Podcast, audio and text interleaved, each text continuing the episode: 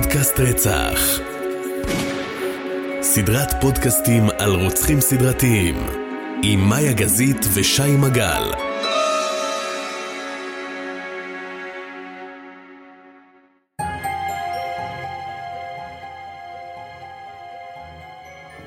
מאיה קטע גזית. שי מגל. הזכרתי לך את זה? כן, יש לך שם שני? לא. אמ, אוקיי. גם אם היה לא היית יודעת, אוקיי. ריצ'ארד. אה, מה שלומך? בסדר, מה נשמע? בסדר, בסדר. בוא נדבר שנייה על הפעם הקודמת. כן, היה קשוח. היה מאוד קשוח. אה, גם הפרק זכה להמון תגובות. אה, כן, והיה הפרק הכי קשוח שלדעתי היה לנו עד עכשיו, נכון? לפחות בחוויה שלי. לדעתי כן. הייתי מולך עם דמעות איזה כמה דקות, נכון? כן. זה היה מביך. זה, זה בכלל לא היה מביך, היה מאוד קשוח, היה לי גם מאוד מאוד קשוח להגיש את הפרק וגם לראות אותך. אה, ואני חושבת שגם קיבלנו, אני לא יודעת עד כמה אתה נכנס ל- לקבוצת פייסבוק ומתעדכן, אבל היו המון פוסטים שאנשים רשמו שזה זה פעם ראשונה בחיים שהם שמעו פודקאסט וזה הביא אותם לכדי אה, דמעות. היי- כאילו ממש אה, שריגשנו אה, בהגשה, בסיפור. אה. המילה ריגשנו מילה גדולה. את ריגשת? ו- לא, זה פשוט ה... לא, הקסם, היה- הקסם זה איך לבנות את הפרק. אה, זה הקסם שלך, וכן, אני אשכרה דמעתי מולך אה, חלק מהפרק, זה היה נורא. אבל זה היה מאוד אותנטי, וזה מה ש... מה... אני חושבת שזה חלק מהקסם של הפודקאסט, שאנחנו לא עושים עריכה, ואנחנו מקליטים פעם אחת, ואתה לא מכיר את הסיפור, אז uh, כשאתה שומע פעם ראשונה, אתה מביע את מה ל- שאתה... לדעתי הדבר היחידי שערכנו בפרק הזה, ששאלת אותי כמה פעמים אני בסדר. נכון, אתה רואה? לא, לא הזכרתי את זה. לא, אני נכון, שי היית בסדר, שי היית בסדר, לא- הורדתי את זה בעריכה, כי כאילו הרגשתי שזה כבר היה... לא מתבייש. כן. לא, באמת לא מתבייש. אה, לא, זה היה... זה היה פרק טוב. אני רק הייתי בלחץ שמישהו ייכנס לחדר ויראה- אותי בוכה מולך, בוכה מולך, זה היה קצת מוזר. אה, מה ניש? הכל אה, בסדר, אין אה, משהו חדש. כלום? כלום. אה, אתה יודע מה? יש לי משהו חדש לספר לך. בא לי להמליץ לך על משהו. יאללה. לך ולמאזינים שלנו. ביום שבת הקשבתי לפודקאסט חדש, האמת שקיבלתי עליו המלצה בקבוצת הפייסבוק שלנו. הוא נקרא שוד השעונים הגדול. שמעת על זה משהו? לא, תגיד, אתה זוכר בשנות ה-80, 83, הייתה, היה את אה, שוד השעונים ממוזיאון האסלאם? לא נולדתי אז, אני לא יודע. אה, אוקיי. סתם, סתם נולדתי. אה, נולדת, נכון, אתה 80, צעיר ממני, 80. כן. אה, אז האמת שאני גם לא הכרתי את הסיפור, אבל אה, זה סדרת פודקאסטים של חמישה פרקים, רק על הסיפור של שוד השעונים שהיה במוזיאון האסלאם. ספרי לי. תקשיב, קודם כל, זה סיפור מדהים. מוזיאון האסלאם, יש שם איזשהו אוסף שעונים אה, מאוד גדול ויקר, והיה שוד שבמשך 20 שנה לא ידעו, אה, כאילו לא ידעו מי ביצע אותו, כמה אנשים ביצעו אותו וכולי, ובעצם בחמישה פרקים האלה הם מספרים את הסיפור, את מה שקרה, את כל החקירה. תקשיב, ממתק אמיתי, באמת, גם נורא נורא מרתק, גם יש בזה הומור. אה, מי שמעבירה את זה זה שפרה קורנפלד. אה, אני מכיר את שפרה. כן. כן. מקסים, ממש, אני ממש ממליצה. ספוטיפיי? כן, אה, זהו, אני הקשבתי בפוד... בספוטיפיי, אבל אני מניחה שאפשר למצוא את, ה...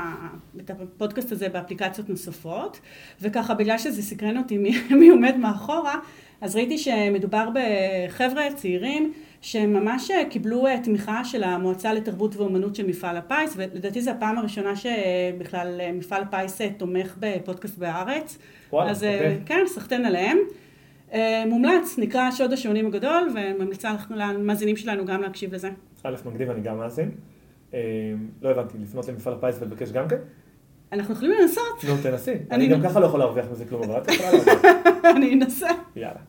אה, וחוץ מזה, רציתי להגיד לך שהפרק היום, לא דיברתי עם א', לא בגלל שאני מאוד אוהבת את א', אני לומדת ממנו המון, אבל הפעם התייעצתי עם י', או בשמו האחר יגאל, או בשם המוכר שלו דוקטור אלוויץ יגאל, שהוא אה, מנהל אה, מחלקת אה, טיפול נמרץ כירורגי בשערי צדק, שהוא חבר, והוא בעיקר הבעל של תמרי, חברה שלי. והוא עזר לי בהכנה של הפרק, כי הפרק אנחנו הולכים לדבר על אה, אחות, שגם רוצחת סדרתית. אוקיי. אה, זה יותר עדין מהפרק הקודם, מאיה? זה יותר מה? עדין? זה הרבה יותר כי לא לואו. הבאתי טישו. נכון. זה הרבה יותר לואו, זה פרק שבכוונה רציתי לעשות אותו עכשיו, כי גם לי היה מאוד מאוד קשה. אגב, לא סתם היה לנו עכשיו חודש של הפסקה, כי כאילו הרגשתי שגם אני צריכה את ההתאוששות, והתאים לי עם זה שהיית גם מאוד אה, עמוס בלוז, ולי היה מאוד קשה עכשיו לאסוף את עצמי כדי אה, להכין פרק חדש. אז ככה שזה יסתדר לנו. אז כן, לשאלתך, הפרק הוא לגמרי פרק אחר, אני יודעת שאתה תמיד צוחק כשאני אומרת את זה, אבל הוא באנרגיות אחרות, זה כאילו אין כאן סיפור על אנשים שנחטפים, או על מישהו שלוקח ליער גברים וקושר לעצים, או גופות מבוטרות. אה, אבל מה כן יש כאן? יש כאן סיפור בעיניי מדהים, סיפור בעיקר על אה, צוות רפואי, על אה, אחות. שאתה יודע, עושה את מה שאנחנו תמיד אוהבים להגיד על צוות רפואי, שהם עושים מלאכת קודש, כי האחיות... מדהימה.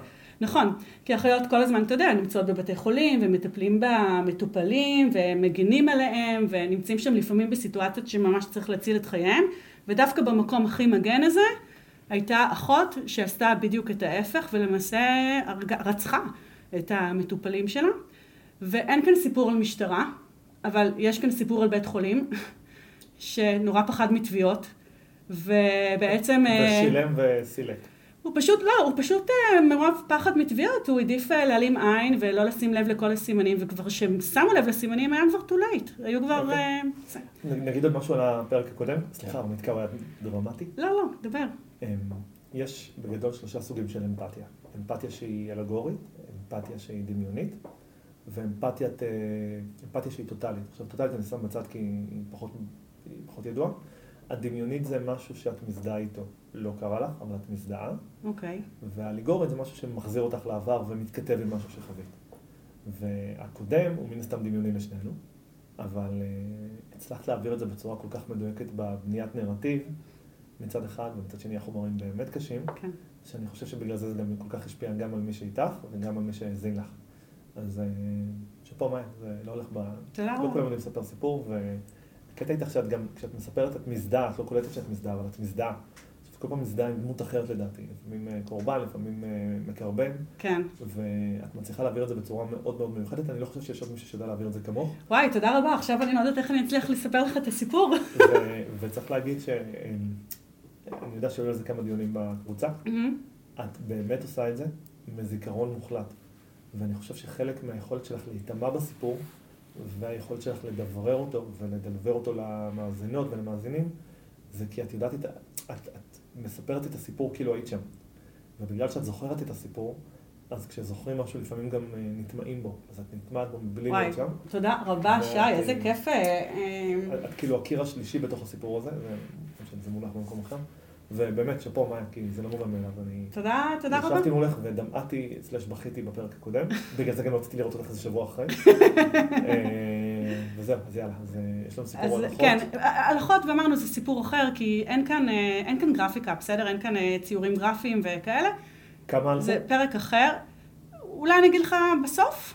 אני יכולה בעצם להגיד לך עכשיו. זה לא מוסך את הסיפור לדעתי. אה, סבבה. אני אגיד את השורה התחתונה, בסדר? היא בסוף אה, הואשמה והורשעה ברצח רק של אה, שלושה מטופלים, אבל ההערכה היא שהיא רצחה 60. 60? אתה תקשיב לסיפור. ושוב, אני מזכירה, זה סיפור אחר, ולא מי שעכשיו מקשיב ואומר, אה, ראיתי את הסדרה בנטפליקס, לא ראיתם בנטפליקס, אני יודעת שיש הרבה, יש טרנד של סדרות כאלה, אבל אתם מכירים אותי, אני לא אוהבת לדבר על רוצחים מוכרים. נכון, למרות ש... יצא לך לחפוף את הפודקאסט המתחרה. את יכולה לדבר על זה? נדבר על זה? כן, ברור. תקשיב, אני לא היה לי מושג, אני לא מקשיבה. בואי נגיד משהו, בזוגיות תקינה מדברים על הכל, כי אם לא מדברים, אז אחר כך זה רודף אותך. נכון, תקשיב, אז בוא נפתח את זה כבר. אז זאת התחלת לפתוח, נכון? הפתעתי אותך. ממש הפתעת אותי. כן. בגלל זה אני הצד הבוגר ורק מתייחסים לזה. אחרי שהפודקאסט עלה לאוויר, אז אה, פתאום אה, קיבלתי אה, תגובות בקבוצת הפייסבוק שלנו, פודקאסט רצח. שבעצם העתקת אותו תוך שלוש דקות. שכן, ו... שאיזה, שבעקבות פרק שיצא, אז העלית, גם אני העליתי פרק, עכשיו אני הייתי בשוק, כי אני, אני, אני, אני לא, לא מאזינה להם, להן, למרות שהבנתי שהוא פודקאסט מאוד טוב. הבנתי שהוא פודקאסט נהדר. כן, ו... לא, לא הייתי ציני, אמיתי. לא, חלילה, לא, לא אמרתי כלום. ו... ו... ואני לא יודעת להסביר את זה, פשוט פוקס. קודם כל סטטיסטיקה לפעמים אה, מתכנסת אה, מול אה, גוף אחר וזה בסדר. כן, אתה יודע, אמרתי לאלה שאמרו, מה, זה, אמרתי, תקשיבו, זה חתיכת מחמאה לחשוב שבשלושה ימים, או לא יודעת כמה פרק זמן היה, יכולתי... אז למה לקחת ללב? כי אני משקיעה את הנשמה שלי בפודקאסט, כמו כל דבר אחר אולי שאני מחליטה לעשות, ו... והתבאסתי. ממה? התבאסתי מהתגובות. כי? כי זה לא אמת, וכשאומרים לי דברים שאני יודעת שהם לא נכונים, זה מביא לי, אתה מכיר אותי. אבל אם, אם זה נאמר מתוך חוסר, אה, לא חוסר הבנה מוחלט לסיטואציה. זה לא משנה. זאת אומרת, אם ילד עובר ברחוב ואומר שאת מכוערת, זה תופס? אה, לא, אז מה? לא, אבל זה אולי ילך. איתי איזה כמה שעות. למה? לא יודעת, נפתח את זה בפודקאסט השני שלנו. יש לנו כבר... שלושה. שלושה, נכון? שלושה סוגי פודקאסטים שרוצים לעשות. את רוצה לשתף את הקהל? לא, לא, כן. פחות. כן. לא, מה, בשני? שנייה, אם אחד אה, תהיה לך בעיה עם כל מי שאת מכירה. רגע, רגע, אם אנחנו משתפים בפודקאסט השני שאנחנו נו. רוצים לדבר עליו, זה אומר ש... אה, אני לא מורידה את זה בעריכה, אז תחשוב היטב אם אתה רוצה שנדבר על זה. יאללה, לא מאיימים עליי, שוטי. לא באמת. יאללה, שוטי. לא, שי. נו, לא. מאיה? לא, אני אי לא אפשר אגיד. לאיים עליי, את יודעת את זה. נכון, אז לא, אז אני חוזרת עם האיום. לא, אל תפתדי בנקים, זה לא יצליח. כן, אני כבר הבנתי את זה. אז שלושה סוג- סוגי פודקאסטים, אז זה יהיה השלישי כאילו? סבבה. מה אמרנו? מה זה- את השלישי? לא זוכרת את המספר, אני אפילו לא נכון? זוכרת את השלישי, כי זה לא באמת, מה היה השלישי? לא מש- עכשיו לפתוח? כן, לא, לא, לא, השני. אני יודעת, השני זה מה שדיברנו מקודם. דיב- את דיברת, אני קראתי בערב. סליחה, אתה נתת את הרעיון. אני- זה תפקידי בכוח. אוקיי. טוב, יאללה, עכשיו אה, דיברנו מספיק בקודים. אה, טוב. אומר לי, רציתי עכשיו, לא. לא, לא. לא, לא, לא, לא, אל. אני- בוא נתחיל. אני אמשול בעצמי. כל הכבוד.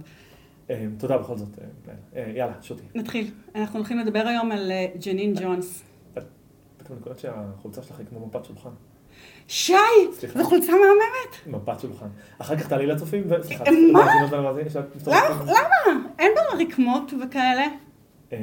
אה, אה, כאילו מה, זה כמו כזה של פיקניק נגיד? בדיוק, אבל לאירועים מיוחדים, כאילו, את לא סתם...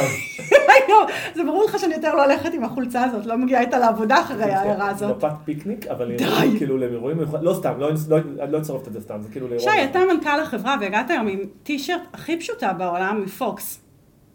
א', היא לא מפוקס. לא, זה פוקס באמת, כן. באמת? אני חושב שזה פוקס, וזה היה גם ב discount. נו, אתה רואה, ואני אני כאילו השקעתי. בחור פשוט, לא כמוך, מפת שולחן מהלכת. רשע. טוב, אחרי שעלבנו אחד בשנייה. תעלי תמונה שלך אחר כך. אה, בסדר. שישפטו. אה, בסדר, האם זו מפת שולחן או חולצה לגיטימית להגיע איתה לעבודה? לא, האם זו מפת שולחן רגילה או לאירועים מיוחדים. בסדר גמור. טוב, יאללה, אנחנו מתחילים. כן. כמה זמן צרפנו? תסתכלי. לא. אה, לא יודעת איפה רואים את זה. אני מקווה שישמעו אותנו טוב הפעם. יאללה, סבבה. טוב, יאללה. נתחיל. אז היום אנחנו הולכים לדבר על ג'נין ג'ונס, אוקיי? וזה סיפור אה, משנת הרציחות שלה, היו אה, בסביבות שנות, שנות ה-80. ונתחיל מההתחלה, בסדר? ג'נין ג'ונס נולדה ב-15 ביולי 1950 בסן אנטוניו, טקסס. עכשיו, אני לא יודעת, לא ידוע מי היו ההורים הביולוגיים שלה, ואנחנו גם לא יודעים למה היא ננטשה, אבל כשהיא בת כמה ימים, היא מאומצת על ידי אה, זוג הורים מסורים בשם ריצ'רד וגלדיס ג'ונס, שמאמצים אותה. בשלב הזה כשמאמצים אותה כבר יש להם שני ילדים אה, מאומצים, ושנה אחרי שמאמצים אותה, הם מאמצים את הילד הרביעי, ילד בשם טראביס, וכך שיהיו להם בעצם, בעצם ארבעה ילדים מאומצים, שני בנים ושתי בנות, אוקיי? מהצד משפחת ג'ונס צוירה כמשפחה אידיאלית, שיש קשר וחום ואהבה וחיבה איפה הם גרים? בסן אנטוניו, בטקסס. אוקיי. אוקיי? אה, מהצד היא, היא נראתה משפחה אה, אידיאלית עם חום ואהבה בין הילדים לבין עצמם לבין ההורים והאמת שככה זה היה, זאת אומרת אין כאן סיפור על משפחה שמהצד הכל היה נראה אידיאלי אבל מאחורי דלתיים סגורות הת- התרחשה זוועה, לא קורה פה, באמת משפחה סופר נורמטיבית עם אהבה וחיבה וחום וגם הייתה שם רווחה כלכלית מאוד גדולה, הם גרו בבית מאוד מאוד גדול על שטח של שמונה דונם. היו להם בשטח גם בקתות אירוח ומגרש טניס ובריכת שחייה, ולתוך המציאות הזאת ג'נין אה, גרה, נולדה. אה, כילדה היא הייתה, אה, היא תוארה כילדה שתלטנית, שהייתה קצת נתונה למצבי רוח, וממש, אני מדברת לך על גיל ילדות ממש מוקדם, היא הייתה קצת ילדה שמנמנה, ובגלל זה ילדים קצת הקניטו אותה בגלל המשקל שלה, אבל מעבר לזה לגמרי ילד- ילדה לגיטימית, היא, היא, כאילו הסיפור עליה זה שהיא הייתה ילדה מאוד מאוד מאוד מוכשרת.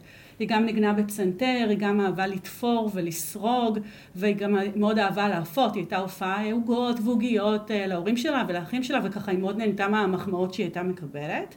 והיא הייתה מאוד קשורה לשלושת האחים, אבל בעיקר לטרוויס. טרוויס היה הילד, ש... האח שהיה צעיר ממנה בשנה, והיא הייתה מבלה המון המון המון עם טרוויס.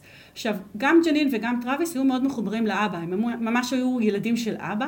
אה, לריצ'רד היה בשטח הגדול הזה של הבית, היה לו סדנה, ששם הוא היה מכין אה, שלטי חוצות לעסקים אה, מקומיים, והם היו מבלים איתו בסדנה המון, המון שעות. וכל האידיאולוג, האידיאל, האידיאל הזה ש, ש, שתיארתי לך עד עכשיו מתנפץ בנובמבר 1966, כשג'נין הייתה בת 16, ומה שקורה זה שטרוויס, אחי הצעיר בן ה-15, מת כתוצאה מפיצוץ של אה, מטען צינור אה, מתוצרת ביתית שהוא הכין לבד. טרוויס היה ילד שמאוד אהב אה, להרכיב פצצות ולפרק פצצות, והייתה לו מה שנקרא תאונת עבודה, והוא מת בסדנה. והמוות שלו פשוט מכה במשפחה. ההורים, גם גלדיס וגם ריצ'רד, קודם כל היו מלאי רגשות אשם על זה שבכלל הם אפשרו לו את התחביב המסוכן הזה. והמוות שלו היה מאוד מאוד מפתיע וכולם היו מאוד אבלים. אבל מי שבעיקר הייתה מאוד אבלה זאת הייתה ג'נין שהייתה מאוד מאוד מאוד קשורה אליו. אבל משהו באבל שלה, שי, היה קצת מוזר, ואני אסביר לך למה הכוונה. קודם כל ביום של ההלוויה, אה, ג'נין כמובן הגיעה להלוויה והיא הייתה מאוד נסערת והיא בכתה בקולי קולות והיא ממש צעקה צעקות שבר ואפילו הייתה סיטואציה שהיא ממש עומדת על, אה, על הקצה של הקבר שבזמן שהטמינו את הארון של טרוויס באדמה היא פשוט מתעלפת וזה אנשים שהיו בהלוויה אמרו שזה היה ממש אה, אתה יודע אירוע קורע לב לראות איך היא מתאבלת על אחיה. אבל האף הצער הגדול שלה היא מחליטה באותו יום אחרי ההלוויה ללכת לבית ספר היא הייתה אז בתיכון, היא הייתה בת 16, וכולם מנסים להגיד לה, כאילו, את לא צריכה ללכת לבית ספר, את יכולה להישאר בבית, אבל היא התעקשה ללכת לבית הספר, וכשמגיעה לבית הספר ביום של ההלוויה, אחרי ההלוויה, היא ממשיכה את האבלות שלה. היא מתחילה לצעוק צעקות שבר ולבכות, וכל הילדים בכיתה באים ומנחמים אותה ו, ו, ו, ומנסים, אתה יודע, לנחם אותה. עכשיו, ילדים בכיתה אמרו שהיה נראה שהיא כאילו מנצלת את ה... טרגדיה משפחתית כדי לקבל תשומת לב מילדים אחרים. ושנייה, אני עוצרת ואני רוצה שנייה לספר לך משהו על ג'נין. ג'נין, שנדבר עליה בכלל לאורך כל הפרק, צריך לדעת עליה שני דברים. אחד, היא הייתה דרמה קווין. מאוד מאוד אהבה דרמות, והדבר השני שצריך לדעת על ג'נין, זה ש... איך אני אגיד את זה? היה לה... הייתה לה מערכת יחסים חופף, אה, רופפת עם האמת. במילים אחרות, גם בחטיבה וגם בתיכון, היא פשוט אה, זוכה למוניטין של אה, שקרנית כפייתית. אה, הילדים שהיו איתה בכיתה אמרו שהיא בעצם כל הזמן הייתה משקרת, כל הזמן הייתה מספרת סיפורים שהיה ברור לכולם שהם לא הגיוניים, רק כדי לקבל תשומת לב מילדים אחרים, לקבל אהבה ולקבל סימפתיה, כדי שיחשבו שהיא חשובה או מיוחדת. אתן לך דוגמאות. למשל היא סיפרה פעם אחת שהיא קרובת משפחה של איזה כוכב פופ מאוד מפורסם, ופעם אחרת היא סיפרה שההורים שלה לא באמת אימצו אותה בצורה רשמית כי הם לא אוהבים אותה, מה שכמובן לא היה נכון, וכאילו הם אמרו מבחינתה ג'נין אה, לשקר זה היה כמו לדבר. הייתה ממציאה כל מיני דברים וכולם גם כאילו ידעו שהיא פשוט אה, חולה על הדרמה הזאת, שכולם יחשבו שהיא מיוחדת וחשובה. עכשיו, בגיל 16 היא לא מאובחנת בשקרנות אה, כפייתית, אבל כן היו לה את כל התסמינים, את כל הסימנים שמאפיינים אנשים שיש להם שקרנות כפייתית, זה אומר שהיא בעצם כל הזמן הייתה משקרת, השקרנות של, השקרים שלה היו גם כפייתיים וגם ממושכים, מתמשכים, ואנשים שיש להם שקרנות כפייתית הם לרוב אה, מאופיינים כאנשים שאין להם ביטחון עצמי ובעצם משתמשים בשקרים כדי להשיג כבוד והערכה מאנשים שסובבים אותם. זה היה מאובחן אז? ב-66? לא. Okay. אוקיי. ב-66 זה לא אובחן, אבל אחר כך בבגרותה, אה, כשהיא כבר נעצרה, אז בין היתר היא אובחנה גם אה, כשקרנית אה, פתולוגית. אוקיי. Okay. בסדר? למרות ש... אוקיי, סבבה. המונח דרמה קווין הוא מונח מאוד שוביניסטי. נכון, זה כאילו, הכוונה היא הייתה אוהבת דרמות. היא הייתה אוהבת, כל דבר קטן הפכה לדבר מאוד גדול. 99% מהמקרים יגידו את זה על אישה. לא. כן. על ההיסטריות, כאילו. גם המונח עצמו הוא queen. נכון. נכון. ויש בזה משהו שהוא אה, צורם, אבל אני גם יכול להבין את הקונטקסט. סליחה, לא התכוונתי. לא, הכל בסדר. אה, אנחנו מגיעים לגיל 17. כשג'נין בגיל 17 היא אה, מכירה את ג'ימי דלייני. ג'ימי דלייני היה נער בן 17, הוא היה בגיל שלה, אבל הוא פרש מבית הספר כבר שנתיים לפני כן. ובעצם בפעם הראשונה ג'נין נמצאת בסיטואציה שיש מישהו שרואה אותה כמו שהיא, והיא בעצם לא צריכה לשקר כדי לקבל את התשומת לב שלו ולקבל את החום ואת האהבה ואת החיבה. ודווקא בסיטואציה הזאת שסוף סוף יש מישהו שרואה אותה כמו שהיא והיא לא צריכה לשקר כשהיא נמצאת איתו, דווקא אז ריצ'רד האבא שהיא הייתה מאוד קשורה אליו מאובחן בסרטן אה, סופני ושלושה חודשים לאחר מכן הוא נפטר. זה אומר שבעצם בטווח של 11 חודשים, שני האנשים הכי משמעותיים בחיים שלה? בדיוק, שני אנשים שהיא מאוד אהבה, מאוד משמעותיים, אה, אה, מתו. ואז אולי כתוצאה מהניסיון לאבד את האבל, או ניסיון להסיח את הדעה שלה מה, מהטראומה הקשה שהיא עברה, היא מחליטה להתארס לג'ימי דלייני. עכשיו, היא מודיעה לאימא שלה, לגלדיס, שהיא רוצה להתחתן עם אה, ג'ימי, וגלדיס מאוד מאוד לא אוהבת את זה. אה, קודם כל היא חושבת שג'ימי הוא השפעה רעה, הוא היה נער שכבר פרש מבית הספר, הוא לא באמת עבד, הוא כזה חיפש את עצמו, הסתובב ברחובות. כמו דילן בברלי הילס. נכון. נכון. נכון. אה, אני לא יודעת אם הוא היה חתיך כמו דילן. אוקיי. אוקיי. אין תמונות? לא של ג'ימי. אוקיי. יש תמונות, אבל לא של ג'ימי. אוקיי. ואז אה, בעצם אה, היא אה, מתנה, אימא שלה, גלדיס, מתנה, מה שקורה זה שהיא בת 17, ג'נין. ובגלל שהיא בת 17, אז היא לא יכולה להתחתן, והייתה צריכה לקבל את האישור של ההורים. ואז אה, גלדיס אה, בסופו של דבר, היא נורא לוחצת על אימא שלה שהיא תאשר, שהיא תסכים שהיא תתחתן עם ג'ימי, אבל בסופו של דבר היא כל כך לוחצת, אז לפחות גלדיס אומרת, בסדר, אני מתנה את זה שלפחות תסיימי את התיכון. אז היא מושכת ומושכת את החודשים האחרונים לסיום הבית ספר, וכשהיא מסיימת את התיכון, ממש שבוע אחרי סיום התיכון, היא וג'ימי מתחתנים. מתחתנים בחתונה מאוד גדולה בשטח של אה, משפחת ג'ונס, אבל שי, אין כאן סיפור על אה, זוג צעיר עם לוי דווי ושהכול אה, מתנהל ככה, הכל יפה וציפורים וכאלה, כי בעצם מהר מאוד הצרות מגיעות. מה שקורה זה שג'נין לא עבדה, וג'ימי לא בדיוק הייתה לו יציבות תעסוקתית. הוא כל הזמן היה מחליף עבודות, היו לו כל מיני עבודות מזדמנות, הוא לא הצליח אה, בעצם להחזיק עבודה אחת אה, לאורך זמן, והוא גם היה בזבזן, הוא היה מבזבז את הכסף שתכלס לא באמת היה להם. ומה שקורה זה שלמרות שלג'נין הייתה אה, ממש להוטה לעזוב את הבית, והיא נורא רצתה להתחיל חיים עצמאיים כאישה נשואה יחד עם ג'ימי, לא היה להם כסף אה, לקנות בית או לשכור דירה ביחד, ולכן בסופו של דבר הם, הם גרו באחת מבקתות האירוח שהיו בשטח של אה, משפחת ג'ונס, ועצם העובדה שבסופו של יום היא נשארה בבית, וג'ימי לא עבד, והיו לחצים כלכליים, הם התחילו נורא, המון המון המון ריבים היו סביב העניין הזה של הנושא הכלכלי. שבעה חודשים אחרי שהם מתחתנים, אה, ג'ימי מחליט להתגייס לצבא, לחיל הים, וג'נין מאוד מאוד שמחה.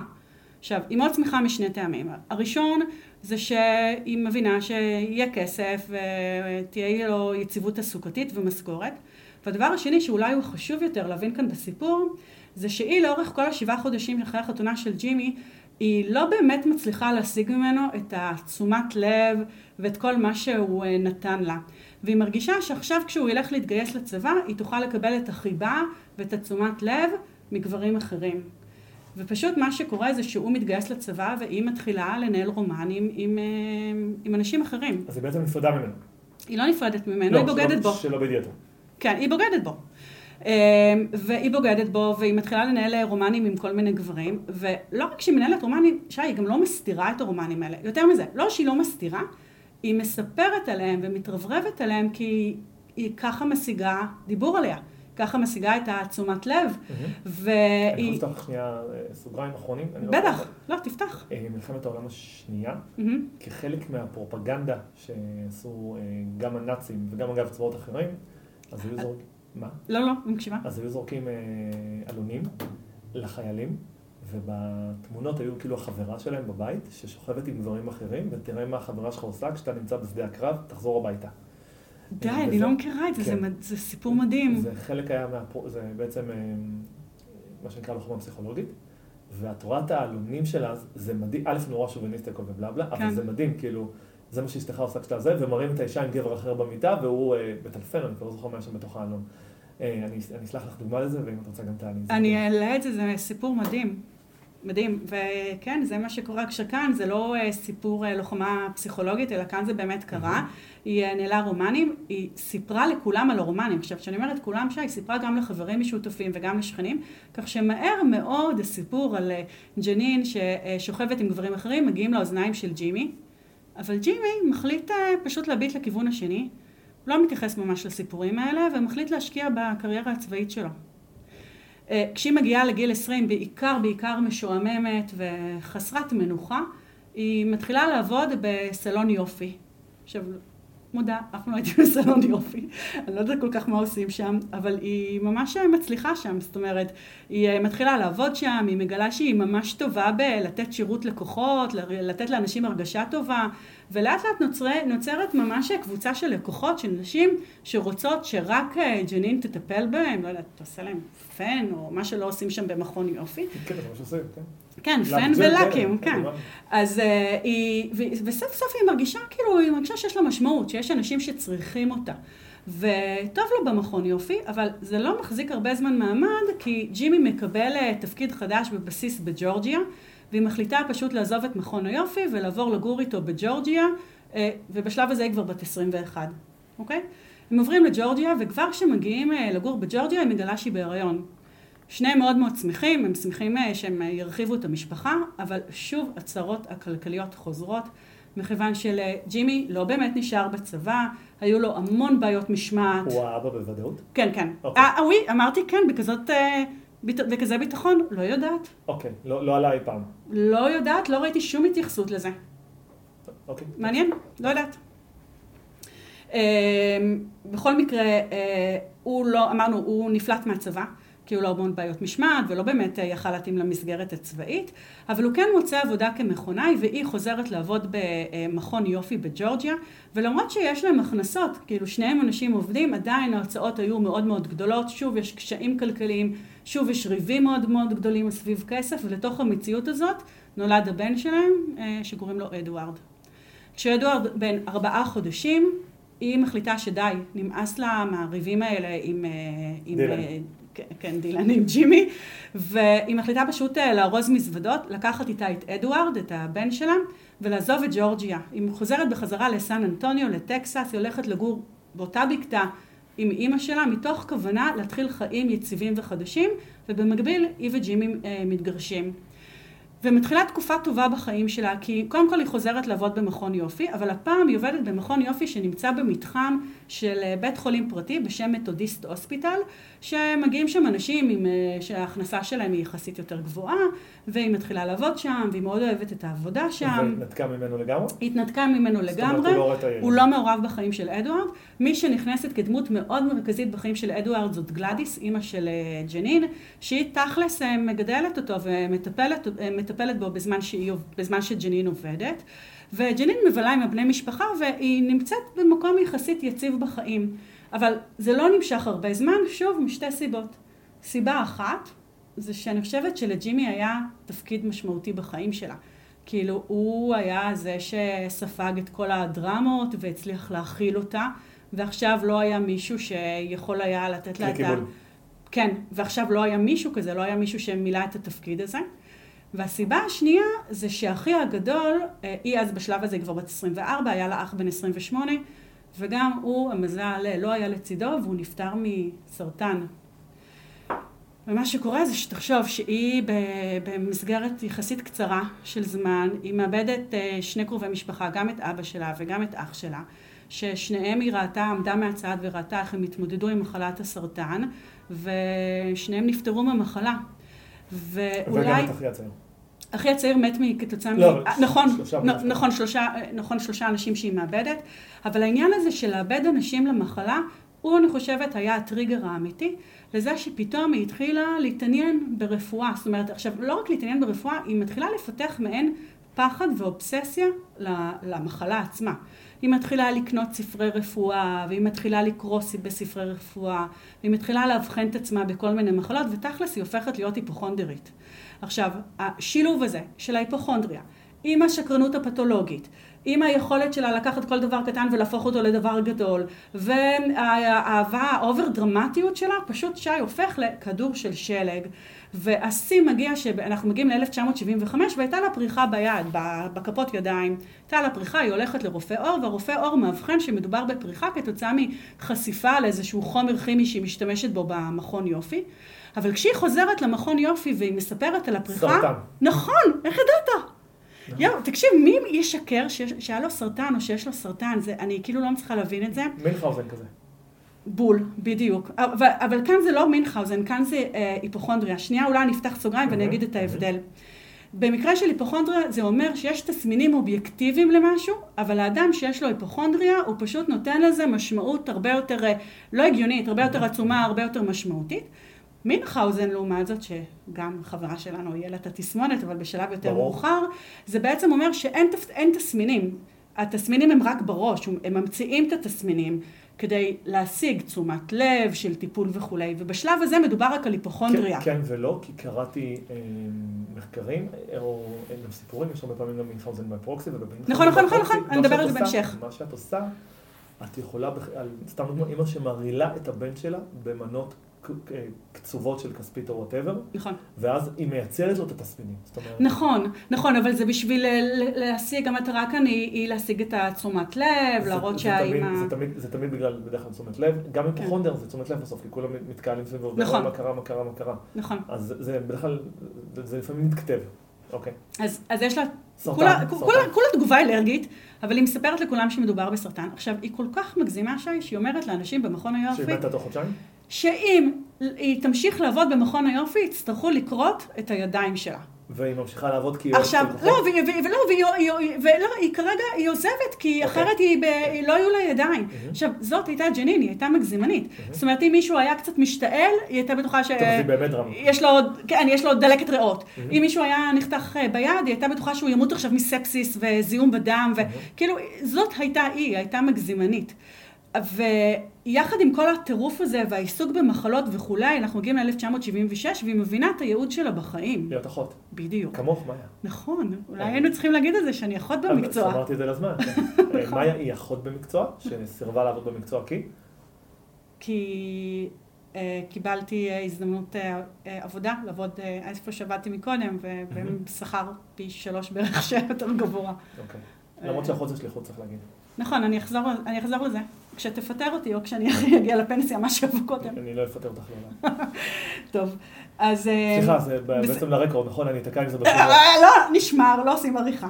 טוב, חוזרת לסיפור.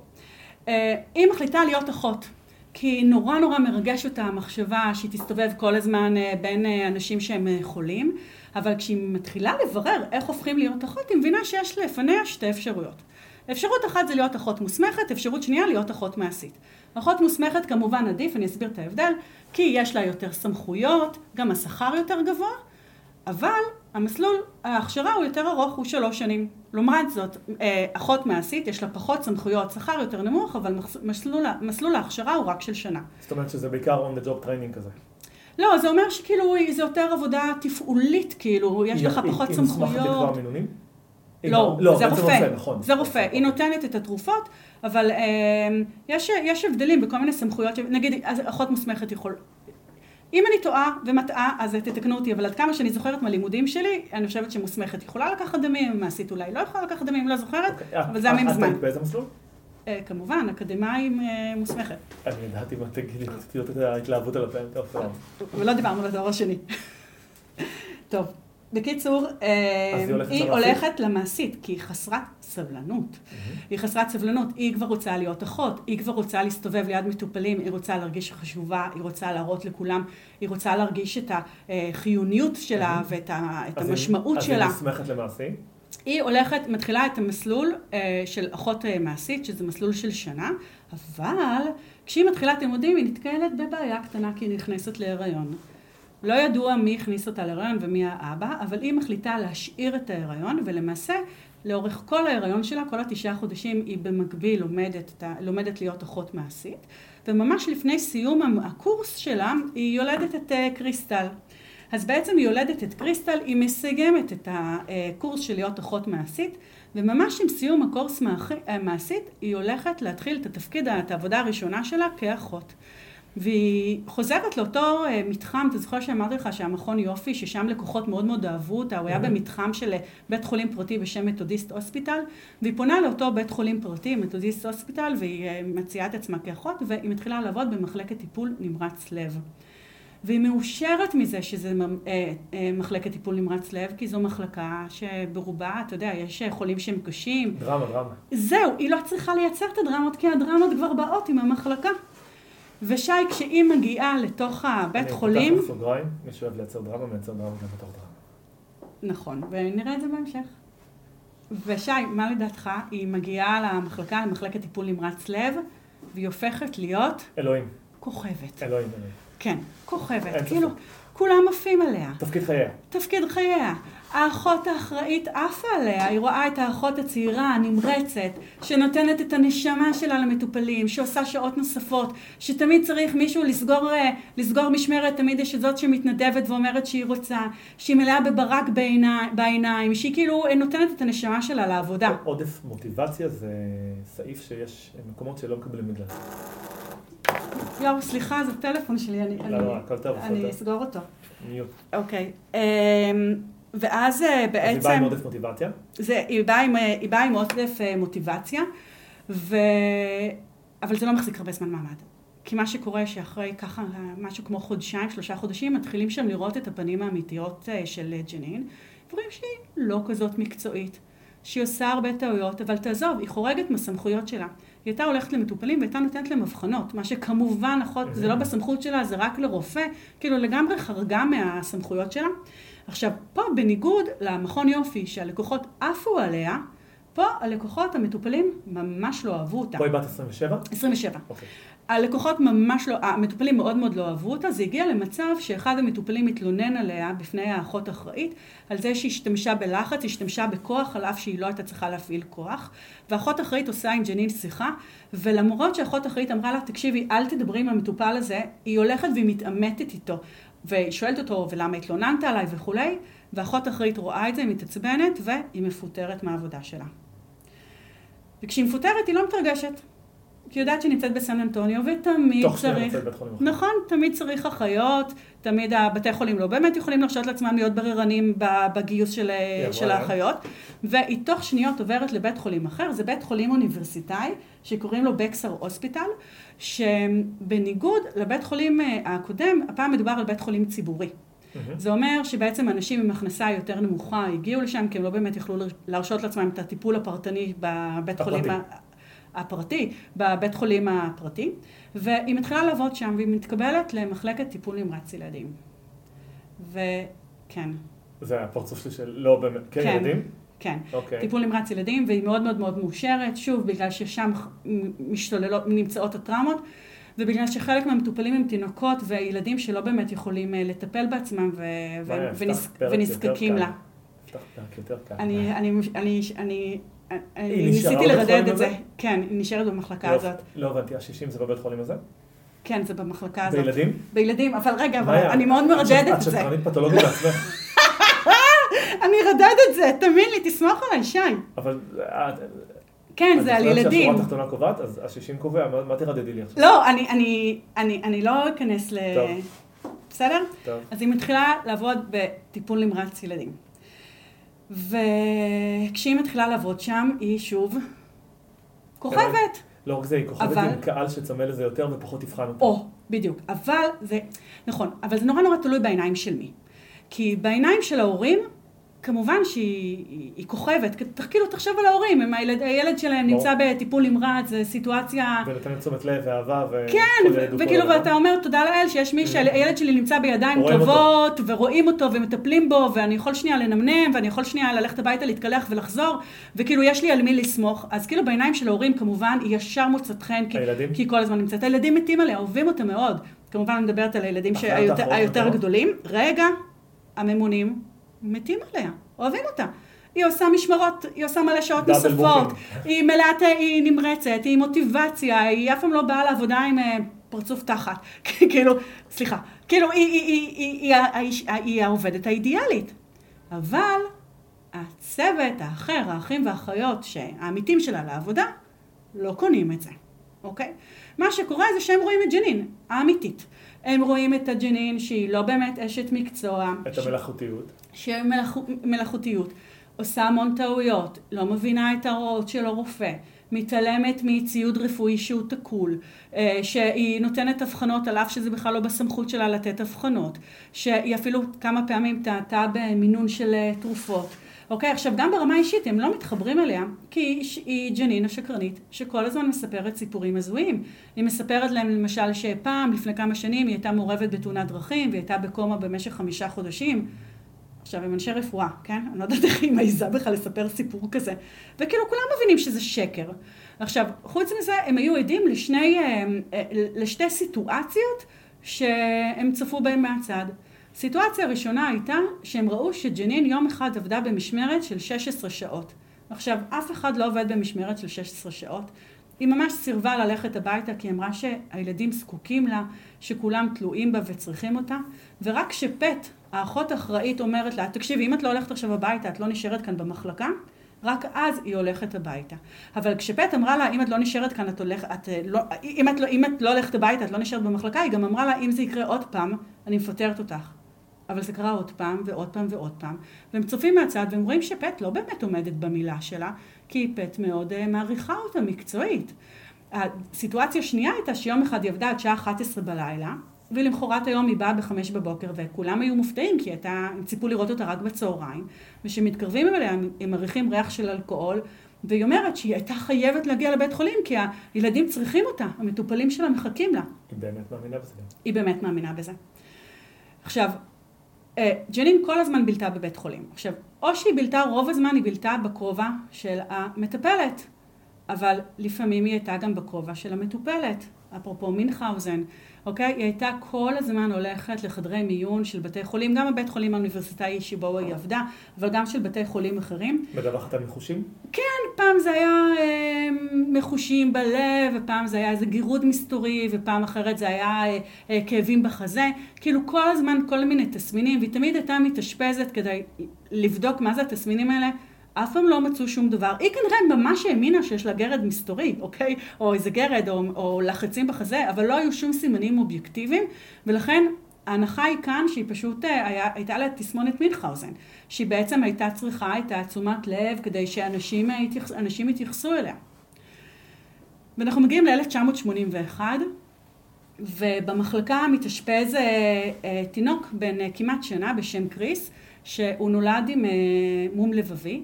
והוא היה מאושפז תקופה ממושכת במחלקה, וההורים שלו היו כל הזמן צמודים למחלקה שלו, וכשג'נין אה, ככה מצט... אה, מוצבת לה בחדר שלו, הם מאוד מאוד שמחים. היא כבר ארבע שנים שם?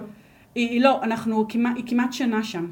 באיזה שנה התחילה לעבוד שם? היא התחילה לעבוד ב-80, ב-80, ב-1980, כן. והיא, וההורים מאוד מאוד שמחים שג'נין אחראית על הבן שלהם והם מאוד מעריכים את העבודה שלה. ובאחד הלילות אה, של פברואר 1981, אה, ג'נין ממש כמה דקות אחרי שהיא יוצאת מהחדר של אה, קריס בלילה, דווקא בלילה שבו ההורים שלו לא נשארו לישון לידו, פתאום הצוות הרפואי שומעים חבטה ובכי של תינוק. והם כולם ממהרים לחדר והם רואים שקריס נפל מהמיטה, לא קרה לו כלום, אבל הוא נפל מהמיטה, ומה שקורה זה שמסתבר שג'נין שכחה להרים את דפנות המיטה, והיא אומרת, אוי, אני מאוד עסוקה, הייתי מאוד מוטרדת, אני מאוד, אה, אני מאוד דואגת לקריס, וזה היה בטעות. וכולם, אין להם סיבה לא להאמין לה, והם מאמינים שהיא באמת אה, שכחה להרים את דפנות המיטה, וכשההורים של קריס מגיעים, כמובן הם מדווחים להם, אז הם גם לא כועסים, הם אומרים, וואלה, זה גם יכול היה לקרות לנו. כאילו, לא קרה לו כלום? ג'נין, לא קרה לו כלום. ג'נין אה, היא אחות מאוד מסורה והיא מאוד דואגת לקריס, אנחנו בטוחים שזה לא היה בכוונה, כאילו לא הייתה להם סיבה לפקפק, לפקפק בסיפור okay. אוקיי. שלה. אבל שבוע לאחר מכן, אה, יום אחד אה, ההורים של, ההורים של קריס נשארים לישון לידו בחדר, היא במשמרת לילה, ובמשמרת לילה היא נכנסת כדי לתת לו תרופות, וזמן קצר אחר כך פתאום קריס קריס, למרות שהיה לו, הוא היה מטופל יציב לגמרי, פתאום חלה הידרדרות מאוד מאוד גדולה במצב שלו, והוא מקבל דום לב והוא נפטר. היום בדיעבד אנחנו יודעים שהיא הזריקה לו דיגוקסין. אה, דיגוקסין, אני שנייה אפתח סוגריים ואני אגיד שזו תרופה שנותנים אותה להפרעות קצב, ובמינון גדול היא גורמת להפרעות אה, קצב חדריות, וזה יכול להביא גם אה, לדום לב. ו... חלה הידרדרות, אף אחד לא מבין מאיפה פתאום ההידרדרות הזאת במצב שלו אה, קרתה, וההורים שלו שבורי לב, וג'נין מתחילה לבכות, והיא אומרת, זה היה מטופל אהוב עליי, אני כל כך דאגתי לו. הם בסוף מנחמים אותה. שי, זה מה שקרה. ברור.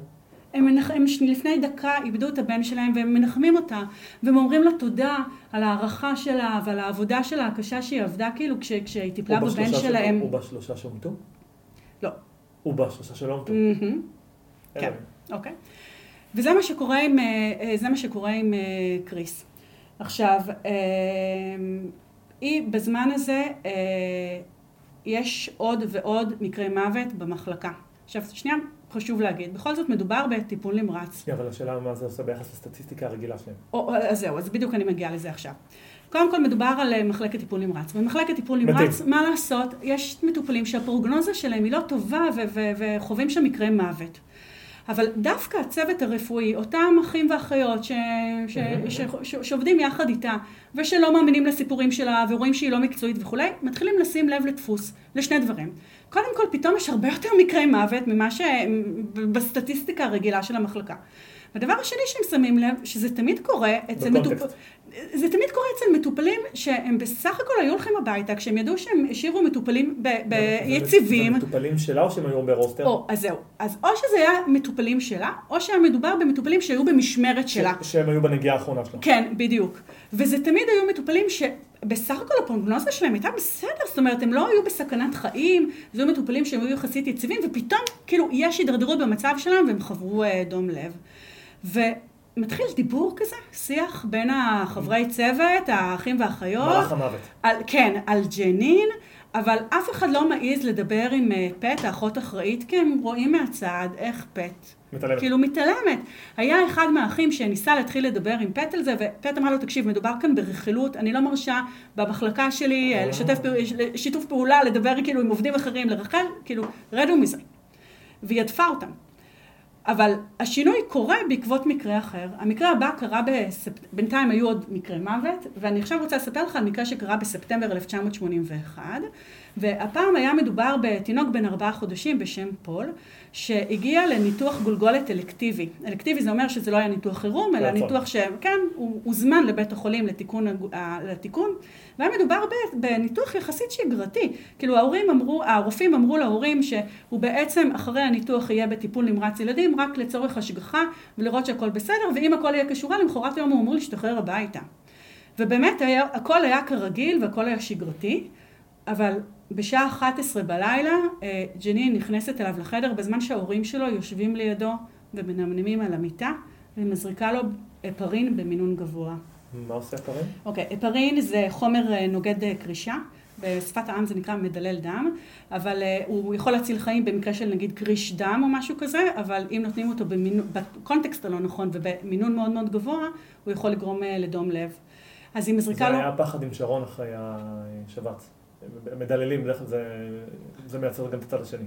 אוקיי, אמ, אוקיי, לא זוכרת מה היה עם אה, שרון. אמ, והם נותנים לו, היא נותנת לו את ההפרין, ותוך זמן קצר הוא מתחיל לקבל, הוא מתחיל נכנס, הוא נכנס למצוקה, והיא כמובן, האחות המסורה, מתחילה להזיק את הרופאים, וכולם מגיעים למיטה של, למיטה של אה, אה, פול. אבל אף אחד לא יודע מה הסיבה להידרדרות במצב שלו, לא אז גם אף אחד... אחר כך? עשו בדיקות, שנייה, עשו, לא, לא, לא, אבל כן לקחו בדיקות דם. אבל שנייה לפני הבדיקות דם, הם מגיעים הרופאים, הרופאים מנסים, אה, מנסים להציל אותו, אבל הם לא מצליחים, והוא מת מדום לב. בבדיקות דם בדיעבד ראו שהיו לו בעיות בקרישה, אבל אף אחד לא הצליח לקשר בכלל. לא, אף אחד לא העלה על דעתו לא שמישהו הזריק הפרין. נכון, גם את זה לא. כן, זה אף אחד לא זה. אבל מי כן, מי כן שם לב? האחים והאחיות. אומרים, רגע, משהו כאן כאילו לא, לא בסדר. ומי שמחליטה בסופו של דבר, אתה רוצה להגיד לי משהו? שאלה. על המקרים הקודמים עשו אה, אה, נתיחה לאחר המוות? אה, אני לא יודעת. אוקיי. אני לא יודעת. אז מי שכן מחליטה? מי שכן מחליטה בסופו של דבר לקחת את המושכות זאת אחות בשם סוזן. שהיא אומרת די, אני הולכת, כאילו אני לא יכולה לתת לדברים האלה להתנהל, אי אפשר שאנחנו בינינו נמשיך לדבר על זה ואני צריכה לעשות צעד. אבל היא מבינה שהיא לא יכולה ללכת לפט, לאחות אחראית ולהגיד לה, נראה לי תחושות בטן, כאילו פט צריכה הוכחות. והיא במשך שבועיים מתחילה לעבוד בלאסוף הוכחות. לקחת את כל הילדים שהם חושדים שמקרה המוות שלהם היה בעזר, בעזרתה של ג'נין. כן. היא בשלב הזה, היא, היא, כשהיא מגיעה לג'נין, היא, סליחה, כשהיא מגיעה לפט, היא מגיעה עם 14 ילדים. והיא קובעת עם פט שיחה.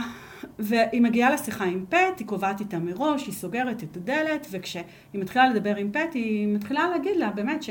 שהיא מדבר, קודם כל היא אומרת, אני לא מדברת רק בשם עצמי, אני מדברת בשם כל החבר'ה, כל הצוות, ושהם חושדים שג'נין אה, אה, הורגת, רוצחת את, ה... את הילדים במחלקה.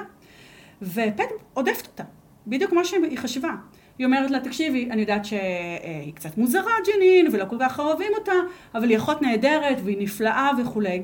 אבל סוזן לא מוותרת לה. מה היא הפט שותפה לרצח, תכלס? עד, אבל, נכון, רגע. סוזן לא מוותרת לה, וזה המזל אולי, שהיא לא מוותרת לה, והיא אומרת לה, בואי תראי את ההוכחות.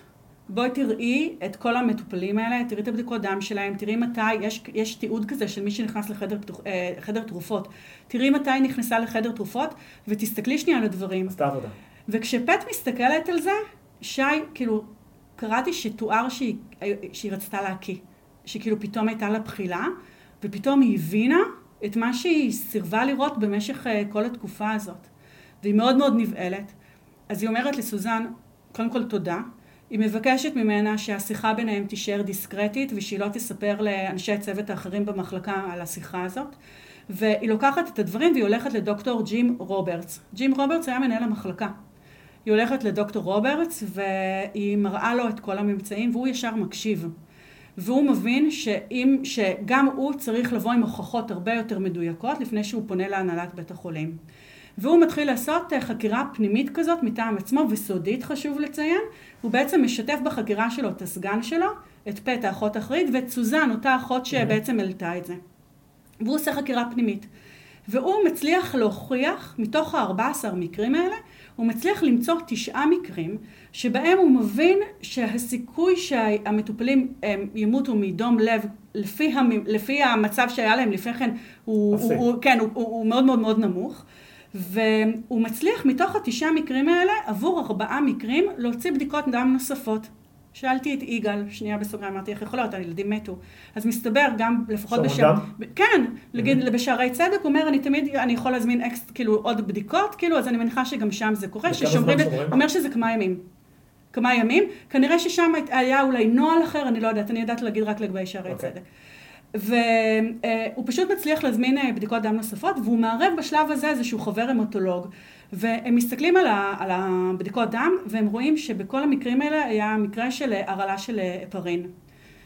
מצויד במידע הזה, הוא פונה להנהלת בית החולים, והוא מתחיל לספר להנהלת בית החולים את כל הסיפור, ומה הם אומרים לו, שי? לא. שי, הם לא עשו כלום. אז אה, כן, משהו כזה, הם אה, מפחדים פחד מוות מתביעות. מפחדים uh, תביעה של רשלנות, הורים, של רשלנות, כסף, יש כאן עניין גדול של עושים? כסף. הם מקשיבים, והם אומרים לו, אנחנו לא כל כך בטוחים. לפטר אותה? לא, לא, אנחנו לא כל כך בטוחים, אנחנו גם לא בטוחים שהיא קשורה לזה, אולי זה בכלל מישהו אחר. אבל יש הפללה על... רגע, והם אומרים לו, אנחנו נקים ועדת בדיקה. עכשיו, תקשיב, אני לא יודעת, האמת שאני לא יודעת מה הנוהל. כאילו, אני מניחה שצריך לערב את משרד הבריאות או את הרשויות באיזשהו שלב. כן, בארץ, כן. שם לא קורה, הם לא מערבים אף אחד, הם משאירים את זה בתוך ה... טוב, זה גם 81? לא יודע כן, אבל הם לא מערבים את הרשויות, הם משאירים את זה אצלם, הכל סודי, סופר סודי, מקימים ועדת בדיקה סודית. והם אומרים לו, אנחנו עכשיו נתחיל לבדוק בוועדת הבדיקה הסודית. שמגיעה למסקנה ש? שמתחילה לעבוד סופר לאט. ובזמן הסופר לאט הזה שהיא, עובד, שהיא עובדת, ג'נין ממשיכה לעבוד כרגיל במחלקה ולסכן מטופלים נוספים. ואי אפשר להגיד לה כלום, דוקטור רוברטס לא יכול להגיד לה כלום, ופט לא יכולה להגיד לה כלום. והיא עובדת, והקורבן הבא שלה היה ילד בן אה, שנה וחצי בשם ג'ושוע, שהוא התאשפז בטיפול נמרץ ילדים כתוצאה משאיפת עשן, הוא פרצה אצלו בבית אה, אה, שריפה, לא והוא היה מאושפז, מה? הוא לא היה אמור למות. הוא לא היה אמור למות, הוא היה בהתחלה על אה, תמיכה נשימתית ואחר כך הורידו אותו מהתמיכה הנשימתית והוא מאוד מאוד מאוד השתפר ודווקא כשהוא משתפר היא פתאום יוזמת שיחה עם ההורים שלו, כמובן מטעם עצמה על דעת עצמה, יוזמת שיחה עם ההורים. שמצבו לא טוב? בדיוק, בסבר פנים סופר חמור, היא אומרת להם תקשיבו, הוא כנראה ימות. ואם הוא יישאר בחיים, יהיה לו, אה, הוא יהיה אה, עם פיגור שכלי הכ... מאוד מאוד קשה. הכנה למזגן כאילו? הכנה למזגן של 24 שעות לאחר מכן. כי בלילה לאחר מכן, אה, כשההורים שלו שוב מנמנמים ליד המיטה שלו, אה, היא מזריקה לו דילנטין. דילנטין זו תרופה אה, שהיא אה, נגד פרכוסים ונותנים אותה במקרים של אפילפסיה. היא גם, מה שהיא עושה, היא חוסמת את העלות של הנתרן, אז פשוט במינון גבוה היא יכולה לגרום לדום לב. איפה הרופאים בכל הסיפור הזה? אוקיי, מה שקורה כאן, במקרה הזה דוקטור רוברטס כבר הרי שם עליה עין. וכשהוא מבין שג'ושוע פתאום גם הייתה הידרדרות וזה, הוא, הוא, הוא, הוא. משתגע, הוא משתגע. תודה באמת. קודם כל הוא מזמין בדיקות דם נוספות, ובבדיקות דם ראו הרעלה של דילנטין, אבל מה? הוא מעולם, הבדיקות האלה, לא ידעו איך, הם לעולם לא הגיעו לעיניו של דוקטור רוברטס או רופאים אחרים. כנראה או שהיא העלימה אותם, לא ברור. אבל מה שקורה, הוא מחליט על נוהל חדש במחלקה. הוא מכנס את כל הצוות והוא אומר, תקשיבו, מעכשיו, כל פעם שיש הידרדרות במצב של חולים במחלקה, אתם אישית קוראים או לי או לסגן שלי. שנייה, מאי. סטטיסטית, הם שברו את השיא של עצמם במקרה מוות. נכון. ועדיין הבית חולים לא עושה כלום. הבית חולים אומר, אנחנו עושים ועדה. הם כולם שותפים. נכון, אנחנו עושים ועדה. חכה, זה עוד לא, עוד לא... זה עוד יותר- זה עוד הולך? להיות יותר חמור. והוא אומר, אני עכשיו, כל מקרה חירום, אתם קוראים, פיזית, קוראים לי או לסגן שלי. ולמעשה זו הפעם הראשונה שפתאום ג'נין מבינה שיהיה לכוונת. שהיא על הכוונת, שזה, עכשיו היא כאילו, כאילו כש, כשלמדתי עליה, אני כאילו התלבטתי אם היא בכלל הבינה את חומרת המעשים שהיא עשתה, או שהיא האמינה שהיא ממש אחות מעולה. לא, היא ידעה מה היא עושה. היא ידעה מה היא עושה, אבל אני חושבת שזה היה חזק ממנה. שהיא לא, פשוט, זה- היא לא, הצ- היא, היא, היא, היא, הבינה את החומרה, היא הבינה שהיא הורגת, היא הורגת את הילדים. שנייה, אני, אני פותח סוגריים. אם היא הייתה הורגת אנשים שממילא הולכים למות כדי לקצר את החיים שלהם ואת הסבל שלהם... לא, לא, לא, זה לא המקרה. לא, אני אומר, כן. אז במ- במקום הזה היא יכולה להתבלבל בין רע לרע במיעוטו וכן הלאה. כן. מכיוון שהיא הרגה ילדים שלא היו צריכים למות, היא ידעה מה היא עושה. אז זה שזה היה חזק ממנו זה דבר אחד. אני לא, היא ידעה להבחין בין טוב לרע. כן, יכול להיות, כן, היא ידעה להבחין, אבל אני חושבת שהיא לא הצליחה לעצור את עצמה. וכאן בשלב הזה, היא מבינה שהם אותה, מתחילים, בסדר. נכון, אבל כאן היא מתחילה להבין שעולים עליה. עכשיו, מה עושה ג'נין, שהיא מבינה שהם מתחילים לעלות עליה? היא פונה לדוקטור רוברטס. ומייצרת אה, אלבי כזה? לא, זהו, שבדיוק לא. היא הולכת לדוקטור רוברטס, והיא אומרת לו, היא כזה מושכת אותו הצידה לצד, והיא אומרת לו, תגיד, למה אתה מזמין אקסטרה בדיקות למטופלים שהם רק שלי? ולפני שהוא מספיק אפילו לענות לה, היא שואלת אותו בצורה ישירה, אתה חושב שיש לי קשר למקרה המוות במחלקה? ודוקטור רוברטס, שמקשיב לשאלות שלה, קודם כל הוא המום מהישירות ומהשאלות, הוא אומר לה, אני לא יודע. עכשיו, כל בן אדם אחר סביר שהיה חושב שכנראה חושדים בו, מה היה עושה? היה מכחיש. היה... לא באופייה. לא. היא- היא תרצה- היא תשקר את עצמה החוצה. שנייה. לא רק שהיא לא מכחישה, שי... היא כועסת עליו. או, בדיוק. ברור. לא רק שהיא לא מכחישה, טוב, אתה טוב. לא רק שהיא לא מכחישה, לא רק שהיא לא מכחישה, היא זועמת. היא באה אליו והיא אומרת, היא, היא לוקחת אותו לצד. והיא מאיימת עליו. היא לוחשת, והיא אומרת לו, תקשיב, רק שתדע, שמהיום שאני עובדת במחלקה, אני אוספת את כל מקרי המוות שהיו במחלקה ושמות הרופאים שטיפלו בילדים האלה. היא מאיימת עליו? היא מאיימת עליו. הוא מאוד מאוד מאוד לא אוהב את אה, לאן הכיוון של השיחה הזו הולך, והוא מבין שיש כאן ניסיון- ניסיון סחיטה, והוא אומר, זהו, די. אני חוזר בחזרה להנהלת בית החולים. והוא חוזר להנהלת בית החולים והוא מספר להם את הסיפור, את המקרה המוות של ג'ושוע ו- ומה היה בשיחה עם אה, ג'נין. מה הם עושים, שי? הם מדיחים אותו? כן. אה, כן? אותו. כן. הם, הם מכריחים להוציא, הם, הם בסופו של דבר, הם, היא ממשיכה לעבוד והוא יוצא לחופשה מאולצת מהמחלקה, הם פשוט, הוא מציק להם. הם מוציאים אותו מבית החולים. את זוכרת את הסיפור על השופט שכל הזמן סירב להוציא צו לחקור כן, כן? על אה, ער ב... זה עולה- רמות. כן, זה עולה רמות. כן. כאילו זה רשלנות פושעת, זה מיודעין, אתה משאיר אחות. שהורגת, כן. כן, היא רוצחת סדרתית. והם פשוט מכריחים את דוקטור רוברטס אה, לצאת לחופשה, כפויה, זה פסיכי. ובזמן שהוא בחופשה כפויה, אה, מתים עוד אה, ארבעה מטופלים במחלקה. כי כל הזמן נותנים לה לנסוע בכביש 6, בלי משטרה. באמת, זו- זו- זה זה המשל. ממש. כל פעם שמגיע שוטר, הוא יוצא מהתמונה והיא ממשיכה. ואז... נכון, מאפשרים גם- את זה. ואז גם היא תעשה את זה לעיתים תכופות יותר? או, אז רגע. אבל עדיין יש את, ה, את אה, סוזן ואת פט ואנשים שחושדים בה. עכשיו, מי שמחליף את אה, דוקטור רוברטס זה רופא בשם דוקטור קופלר, קנט קופלר. והוא כרגע עכשיו זמנית מנהל את המחלקה, והוא שם את העין שלו על ג'נין. בסדר, הוא כבר יודע את הסיפור, מסכים. אבל אין לו שום, אין לו שום הוכחות, אין לו שום דבר. אבל בינתיים מתו כבר אה, עוד ארבעה מטופלים, שכולם היו... לא, שנת 81. מה? היו מצלמות. אה, לא יודעת, לא היו מצלמות. טוב. אמ, ומה שקורה זה שעכשיו קורה המקרה החמישי, והפעם מדובר על אה, ילוד, על תינוק בן ארבעה שבועות, שבשם רולנדו, שהוא מתאשפז במחלקה בגלל דלקת ריאות. וגם הוא בהתחלה היה צריך בגלל הדלקת ריאות תמיכה נשימתית, אבל הוא מפסיק עם התמיכה הנשימתית, הוא ממש מתייצב, ודווקא כשהוא מתייצב והמצב שלו כבר טוב, והיא כמובן מאוד דואגת לו ומשחקת את המשחק, היא אה, מזריקה לו היפרין. בתוך זמן מאוד מאוד קצר הוא מתחיל לפתח את אותם תסמינים שפיתחו ילדים אחרים, רק שהפעם על המשמר נמצא דוקטור קופלר, שגם פיזית נמצא במחלקה. והוא ישר מבין שמשהו כאן לא הגיוני. לא הגיוני שילד שסבל מדלקת ריאות מפתח את התסמינים האלה וישר גם מזמין בדיקות דם, והבדיקות דם מהבהולות האלה ישר אה, מגיעות, וכשמגיעות הבדיקות דם הוא רואה שיש לו הרעלה של הפרין. עכשיו מזל שלהפרין יש אנטידוט, שנקרא אה, פרוטמין סולפט. שאחר כך גם יגאל הסביר לי מה עושים כשמחברים למכונת לב ריאה, אז נותנים בהתחלה בניתוחים ממש הרבה הפרין כדי שאפשר יהיה לעבוד, ואחר כך נותנים את ה... אה, באמת? כן, את הפרוטמין? סולפט, לא, כדי שהוא מחובר למכונת לב ריאה. בקיצור, מה שקורה זה שדוקטור קופלר מבין ישר שיש הרעלת הפרין, הוא נותן את הפרוטמין סולפט, ותכלס הוא מציל את החיים של, רול... של אה, רולנדו, של אותו תינוק. והדבר השני שהוא עושה, הוא מכניס אותו לחדר נפרד ושם שומר בכניסה לחדר באמת? שלו. כי זו פעם הראשונה שפתאום ג'נין רואה מהצד איך הניסיון שלה נכשל. אה, נכשל. פעם ראשונה שהיא נכשלה? פעם, כן, פעם ראשונה שמישהו מציל, אה, אה, עלה, עלה על השיטה, ומציל, את, הת- ומציל כאילו את, ה, את המטופל שלה. והוא יודע שהיא תרצה לסיים את העבודה, הוא חושש שהיא תרצה לסיים את העבודה שלה, ולכן הוא שם שומר, והוא מבקש מהשומר, כל מה שהוא יעשה זה שיכתוב את השמות של האנשים, מי נכנס, מי, מי יצא. וואו, אבל הוא עדיין נותן לה וזה, כן, ובינתיים אין, אין לו שום סמכות אחרת. אז זה מה שקורה, אבל במקביל עכשיו, אחרי שזה קורה, הוא, הוא, הוא הולך להנהלת בית החולים. והוא אומר, מה שדוקטור רוברטס אמר זה נכון, והנה תראו, הנה ההוכחה, אוקיי? ורק אז הנהלת בית החולים מסכימה לפטר את ג'נין, אבל גם פה יש כוכבית.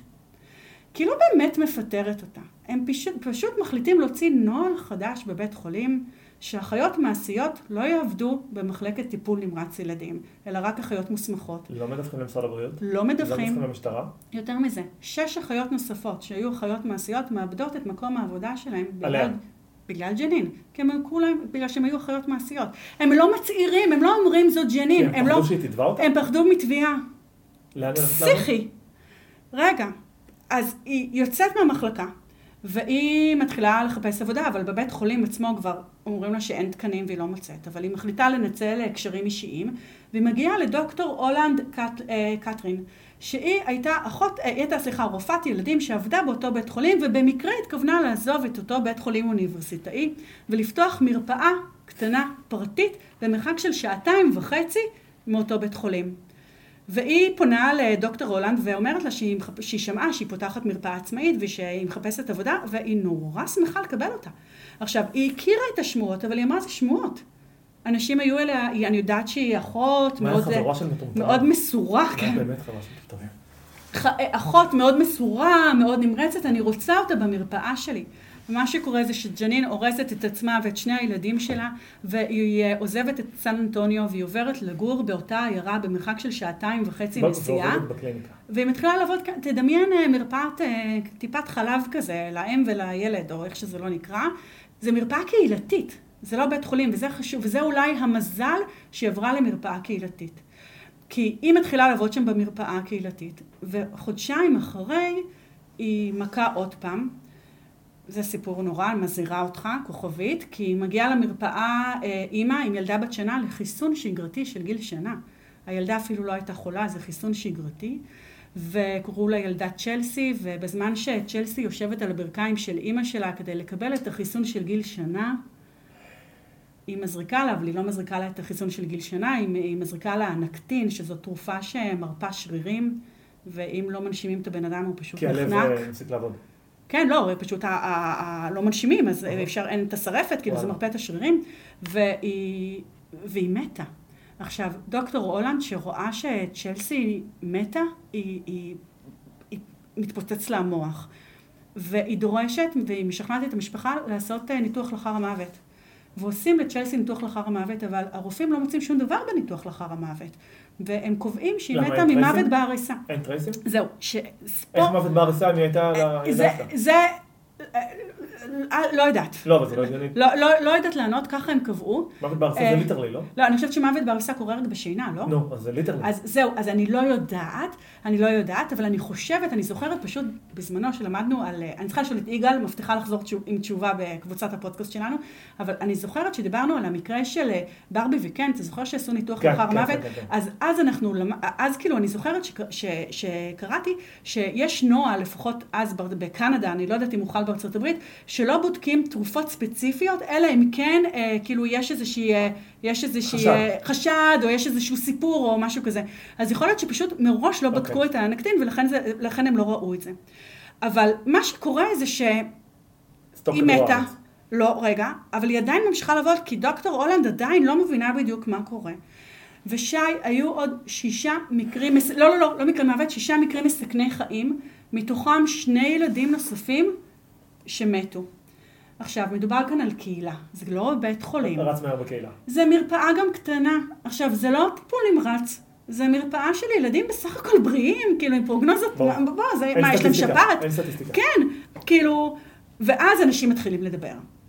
ואז אנשים מתחילים להגיד, משהו כאן מוזר, זאת מרפאה, וממש קוראים לזה, מרפאת המוות. והשמועות על מרפאת המוות, שפתאום ילדים אה, במצב מסכן חיים ו- הן ומתים, מגיעות למשטרה? הן לא מגיעות למשטרה, אבל הן מגיעות לבית חולים, שתמיד כשהם היו במצב מסכן חיים, תמיד דוקטור הולנד עם אוטובוס הטיסה אותם לבית חולים הזה. ובבית חולים השמועות האלה מתחילות להגיע, וגם הם לא רגילים לכל כך הרבה הפניות מקהילה כזאת קטנה, ומתחילים לשאול שאלות.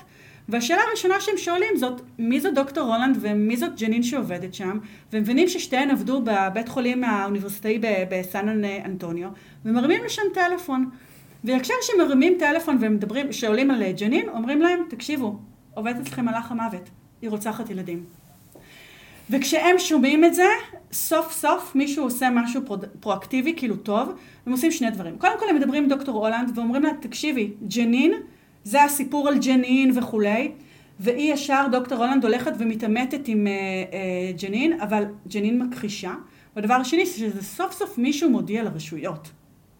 והרשויות מהר מאוד נכנסות לתמונה, גם המשטרה וגם המשרד הבריאות שלהם, אבל עדיין אין שום הוכחות.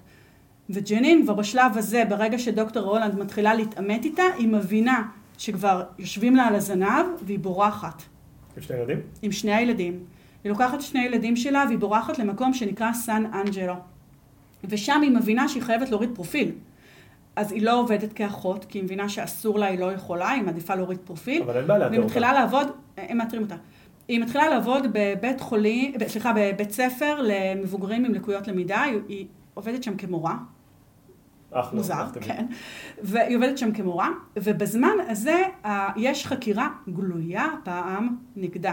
זאת אומרת, המשטרה מתחילה לאסוף ראיות, החקירה היא לא סמויה, היא גלויה, ומהר מאוד זה מגיע לתקשורת. ויש כאן סיטואציה שמה שקורה זה שפשוט התקשורת פתאום מבינה את המקרה ומתחילה כתבה מאוד קטנה בעיתונות המקומית ולאחר מכן בעיתונות הארצית ולאט לאט זה מגיע, כל טקסס יש עיתונים עם כתבות שער עם התמונות של ג'נין. עכשיו, היא כאילו מורשעת בעיני הציבור לפני שבכלל עצרו אותה. יופי. אוקיי, לפני שהמשטרה בכלל עצרה אותה, כאילו כולם אה, אה, יודעים שג'נין היא רוצחת של ילדים, וזה מגיע מהר מאוד גם לסן אנג'לו, לה כינוי? ושם, מה? היה לה כינוי? מלאך המוות.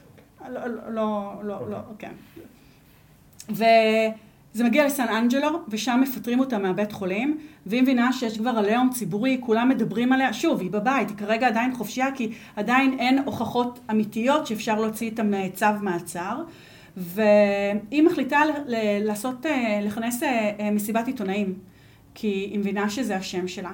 היא שוכרת עורך דין, והיא מכנסת, מכנסת מסיבת עיתונאים, והיא מנסה להגיד שזה לא נכון, והיא מכחישה את הכל וכולי, אבל שלושה חודשים אחרי אותה מסיבת עיתונאים, המשטרה סוף סוף מצליחה למצוא קשר. עכשיו, היא מוצאת קשר במקרה המוות האחרון של צ'לסי, הילדה אה, מהמרפאה הקטנה, מהמרפאה בקהילה, והם אה, מצליחים להוכיח שהיא אחראית למוות שלה, והיא נעצרת. וזהו, ובשורה התחתונה היא עומדת לדין, והיא אה, על, היא עומדת לדין על שלושה מקרים בלבד. היא גם מורשעת עבור אותם שלושה מקרים. היא מקבלת שלושה מאסרי עולם, עם, שאין לה אפשרות היא לא חנינה. מודה, נכון? מה פתאום מודה? ברור שלא. היא לא מודה, אבל היום ההנחה היא, ההערכה היא שהיא הרגה כנראה 60 מטופלים. אטליסט. וואו. איזה סיפור, שי. מי גידל את הילדים שלה? גלדיס, האימא. האמא?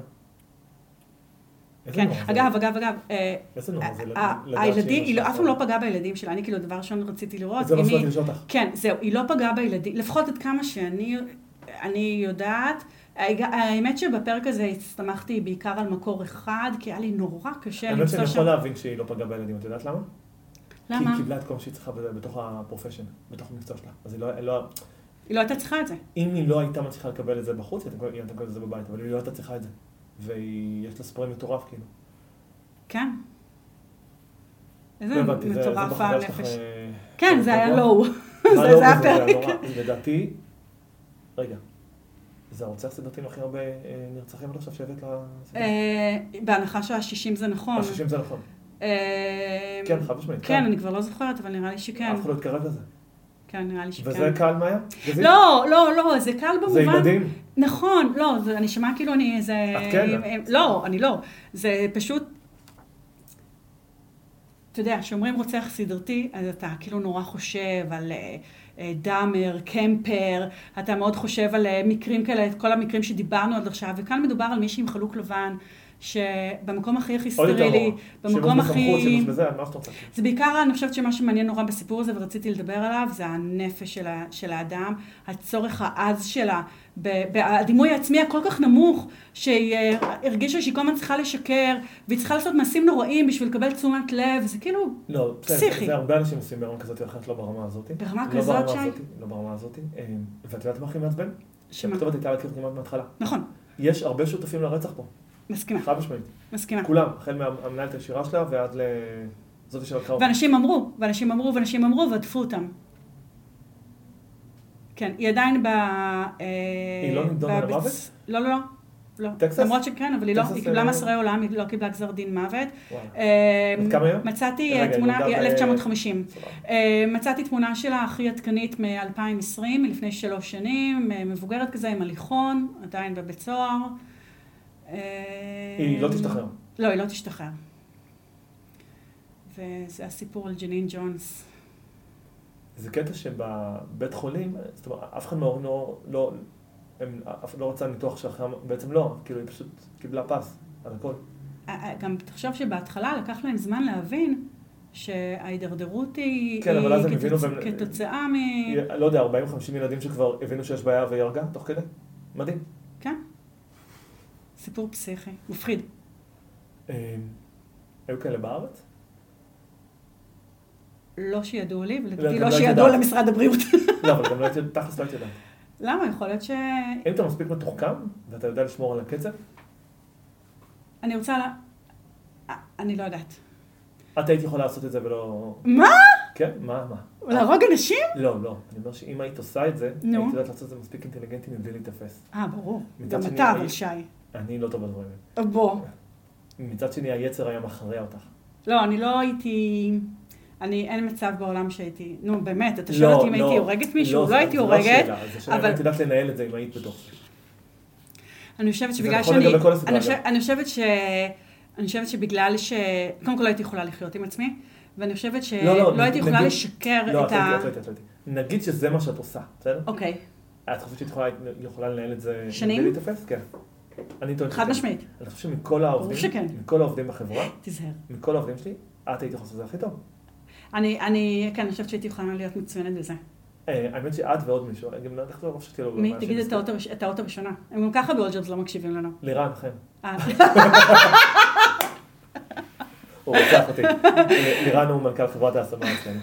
אה, לא, אני חושבת ש... כן, אני חושבת שלירן היה לא- הכי יושב עליו, אבל אני חושבת שהייתי יכולה להיות גם אה, לא רעה ב... לא, את יותר טובה מלירן. את. יותר טובה מלירן. אה, לא יודעת. כן, לירן זה בול עליו. כן, אבל את יותר אבל אתה טובה. יודע, לירן גם ב... אבל לא במחלקת ילדים. לא, חס וחלילה. כן. לא, לא, לא. לירן, אה, נגיד, הוא היה... אנחנו לא, לא, מרכלים על דיון לירן, תיאורטי, אנחנו. מרכלים על לירן. זה- דיון תיאורטי, כן? כן, ברור.